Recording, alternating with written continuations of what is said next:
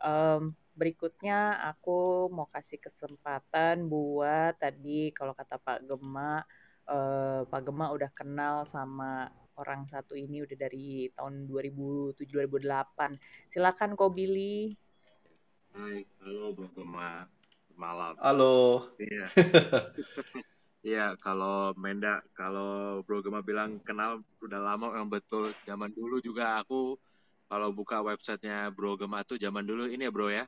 Kalau saham itu ada ada kayak ini ya, kayak apa di airport ya, ada yang di waiting room, ada yang udah terbang, yeah. gitu. zaman dulu zaman dulu isi website itu kayak gitu tuh. Sampai sekarang kalau aku buka apa nih website Astronaci udah totally uh, different, different. gitu. Ya.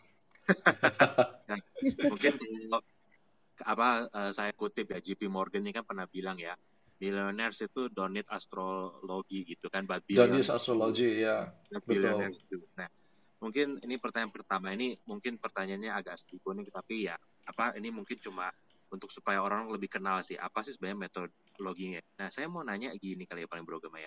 Kalau seorang yang menggunakan astronaci gitu ya atau astrologi trading, apakah ilmu ini kalau dipakai semua hasil analisa analisanya akan sama? Karena gini contoh misalnya ya kalau kita pakai teknik analisis seperti kayak Fibonacci retracement terus juga Elliott wave kan meskipun teorinya itu orang sama ya misalnya wave 2 mm -hmm. di bawah wave 1 ada 61,8% maksimum retracementnya segala macam gitu tapi kan hasilnya biasa beda ya karena pemahaman orang mm. oh ini masih wave 1 ada yang bilang ini oh ini mah wave udah wave 3 ini apa segala macam nah beda dengan kayak moving average. Kalau moving average kan pakem ya, MA20 ya udah, mau you buka dari software mana pun ya angkanya misalnya 1000 ya 1000 gitu. Nah, mm-hmm. apakah kalau astrologi itu hasilnya akan subjektif seperti kayak Fibonacci Wave apa kalau memang ilmunya sama, teorinya oke, okay, sama juga ya pasti hasilnya akan pakem gitu kayak moving average. Oke, okay, good question. Jawabannya sama. Contoh deh, kalau ada chart semuanya ada di sini, coba buka gold chart. Contohnya saya ngambil gold aja yang paling gampang. E, cari aja tanggal-tanggalnya pada saat new moon terjadi itu tanggal berapa ya. Ini salah satu penemuan di disertasi saya itu itu yang saya bisa share. Cobain tanggal new moon, Anda plot di chart di gold, Anda lihat daily chartnya turning atau enggak, itu aja. Nah, dari situ kan kelihatan mau siapa pun yang buka, mau JP, mau Warren Buffett yang buka, mau Soros ataupun mau kita, tetap dia akan melihat kalau tanggal full moon daily chartnya harusnya 8, 80 dari 100 itu akan reverse semuanya. Nah sekarang pertanyaannya, satu, mau believe atau enggak? Kedua, kalau ada reverse lu mau ngapain? Ya kan? Karena financial astrologi kan penunjuk waktu tuh kasih layout ke kita bahwa tanggal segini akan ada reverse. Berarti kita harus lihat lagi bisa nggak cari support resistance yang benar? Terus kalau benar-benar reverse kita mau ngapain decision makingnya? Sehingga kita bagi dua nih. Kalau tujuannya hanya membuat research paper, pasti jago, pasti benar. Tapi kalau trading belum tentu menang, walaupun tahu itu benar-benar reverse. Dan itu tidak subjektif. Yang parahnya adalah orang yang coba-coba cocok logi, astrologi dia nggak ngerti, cocok-cocokin. Akhirnya jadi, ya sama lah ya kayak technical analysis asal-asalan gitu kesannya.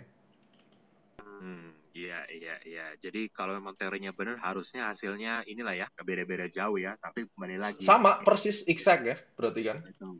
Tapi kembali lagi, money management, berani entry atau exit, atau apa hmm. itu kan bentuknya kan.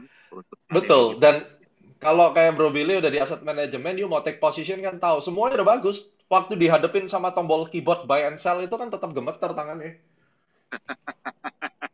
Iya iya iya iya. Kan untuk mau bikin overweight atau underweight itu kan apa butuh guts juga ya, bukan cuma yeah. masalah teori aja gitu. Bener bener bener. Nah, next questionnya lebih ke gini kali ya. Nah, kan ini kan kalau kita ngomong astronaci kan berarti kan ya kayak ada Mercury, ada uh, Merkurius, ada Venus dan segala macam gitu ya.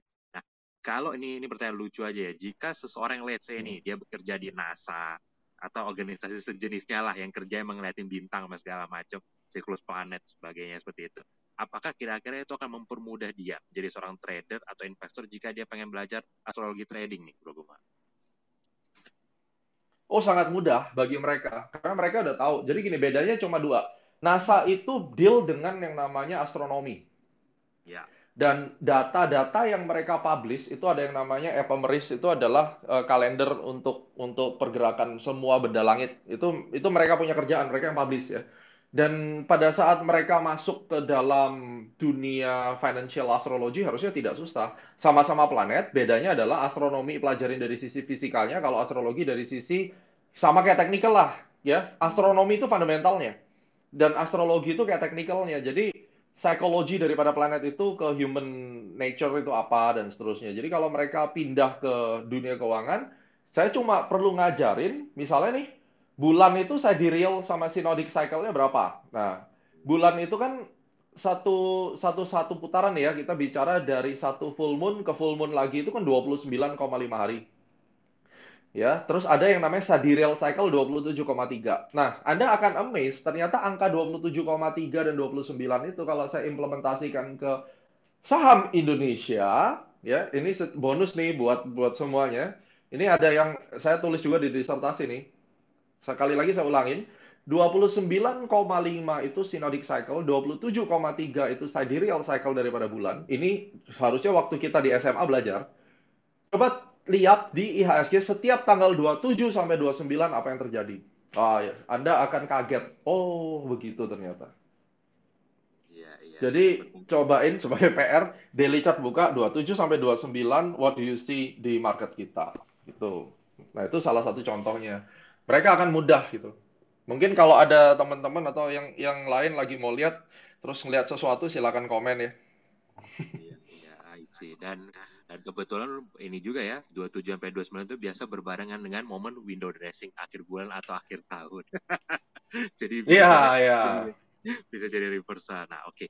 Mungkin dengan di posisi saat ini ya, uh, Bro Gemma kan udah menguasai banget lah uh, astronaci. Nah, tapi at this point gitu ya, ada nggak sih ilmu apa lagi yang ingin Bro Gema pelajari untuk bisa melengkapi atau ya menyempurnakan ya astronomi method method ini ya take to the next level. William Delbert Gann itu luas banget dan dan saya perlu untuk menyempurnakan dan mempelajari dia punya sudut pandang bagaimana menggunakan geometri untuk ngitung cycle-cycle yang belum terjadi jauh lebih lebih panjang daripada yang saya bisa lihat sekarang gitu. I see, I see. Nah, mungkin ini mungkin followers kita mungkin penasaran juga kali ya. Ini kan tadi kan Bro Gema ada mention beberapa saham gitu ya, JPRS, mm -hmm. Bata, itu ada BBYB juga. Nah, mungkin ini bisa nggak Bro Gema berikan mungkin contoh satu analisa misalnya nih kalau JPRS kan udah delisting ya, Bata too hot nih, dia lagi diomongin di banyak grup. I think kalau BBYB menurut Bro Gema kalau coba mungkin kalau cara menganalisa dan Astro Naci itu seperti apa bro Gema? Forecastnya seperti apa? Atau mungkin biar bisa followers tahu gitu gimana sih cara bro Gema menganalisa? Uh, kalau digambarin di sini agak sulit, tapi mungkin yeah. nanti saya bisa kasih gambaran waktu saya nganalisis di YouTube itu gimana sudut pandangnya. Tapi kalau BBYB paling gampang tanya Bernard aja, nggak usah dianalisis. Orang saya aja ngomong sama dia, gue ngomong analisis, gue denger lu aja. Tapi secara, secara price menurut saya ini mau bikin rally base rally. Ini kita ngomong price-nya dulu ya. Price actionnya itu dia lagi bikin base di sini, terus kemudian declining volume sama, basic technical aja. Tapi saya lebih ke price actionnya uh, dan kita perhatikan dengan base-base yang terbentuk ini, istilahnya kalau di YouTube kemarin saya bilang karena lagi ngetren babi ngepet itu, ini lagi bikin kandang babi gitu istilahnya. Kalau kalau ngebreak dan harusnya ngebreak ya probability kita nggak bisa ngomong kalau kalau kalau analis sudah ngomong jika dan kalau kasihan investornya. Makanya saya merasa bahwa setiap kali saya ngajar untuk CAT certified itu yang sertifikasinya astronaut itu mereka harus punya satu standing point. Walaupun salah nggak masalah, at least punya standing point. Jadi kalau dilihat dari polanya 65 sampai 70% chance bahwa dia harusnya akan lanjut ke atas walaupun harus drama dulu turun lagi ke 1300 dan seterusnya. Saya aiming 2500 itu minimum ya harusnya ya. Kalau semua berjalan dengan sesuai plan gitu. Ya, itu itu gambaran awalnya. Nah, nanti selebihnya setiap lekukan-lekukan daripada BBYB ini bisa dihitung tanggal berapa hmm. nanti dia akan picking periodnya. Sekarang lagi bottoming nih, tanggal 29. Berarti dia akan naik lagi misalnya. Nah, itu itu kita hitung. Naik lagi ini sampai kapan? Sampai dia ketemu sebuah resisten yang bisa membuat dia berhenti dulu sejenak.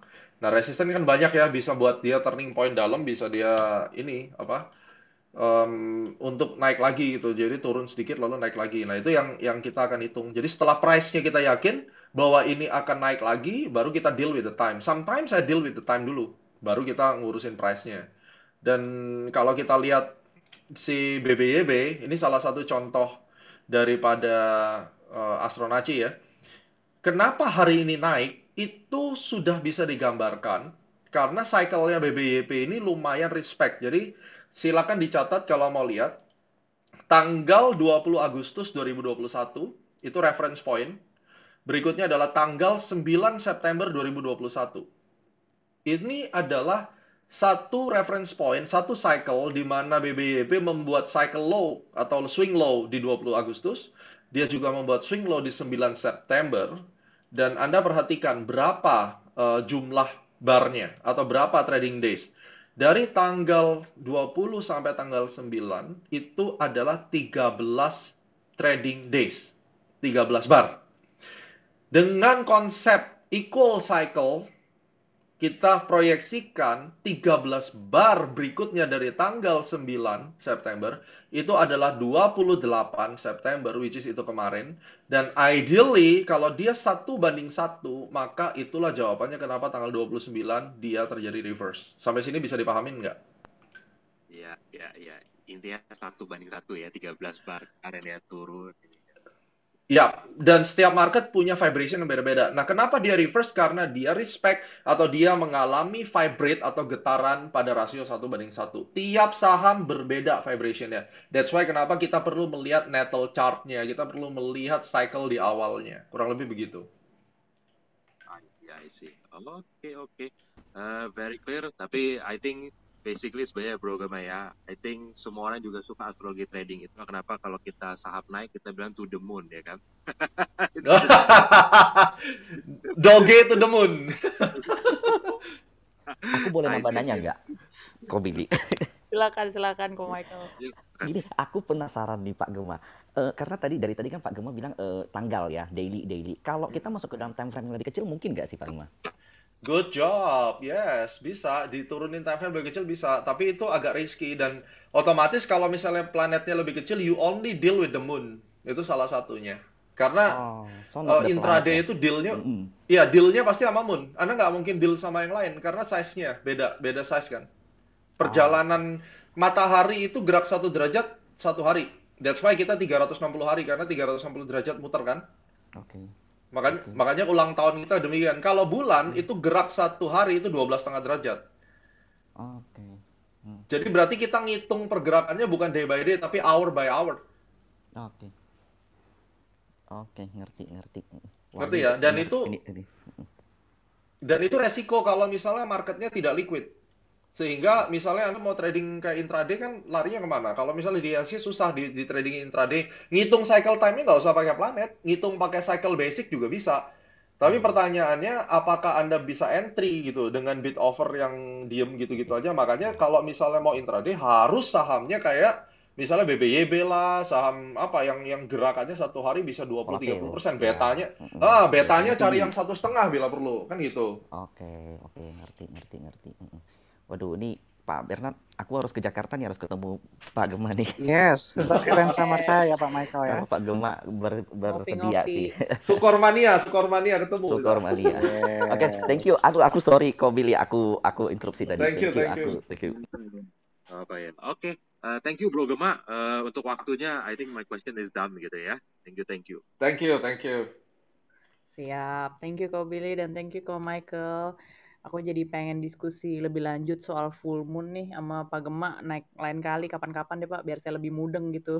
Iya iya dong, ayo ayo.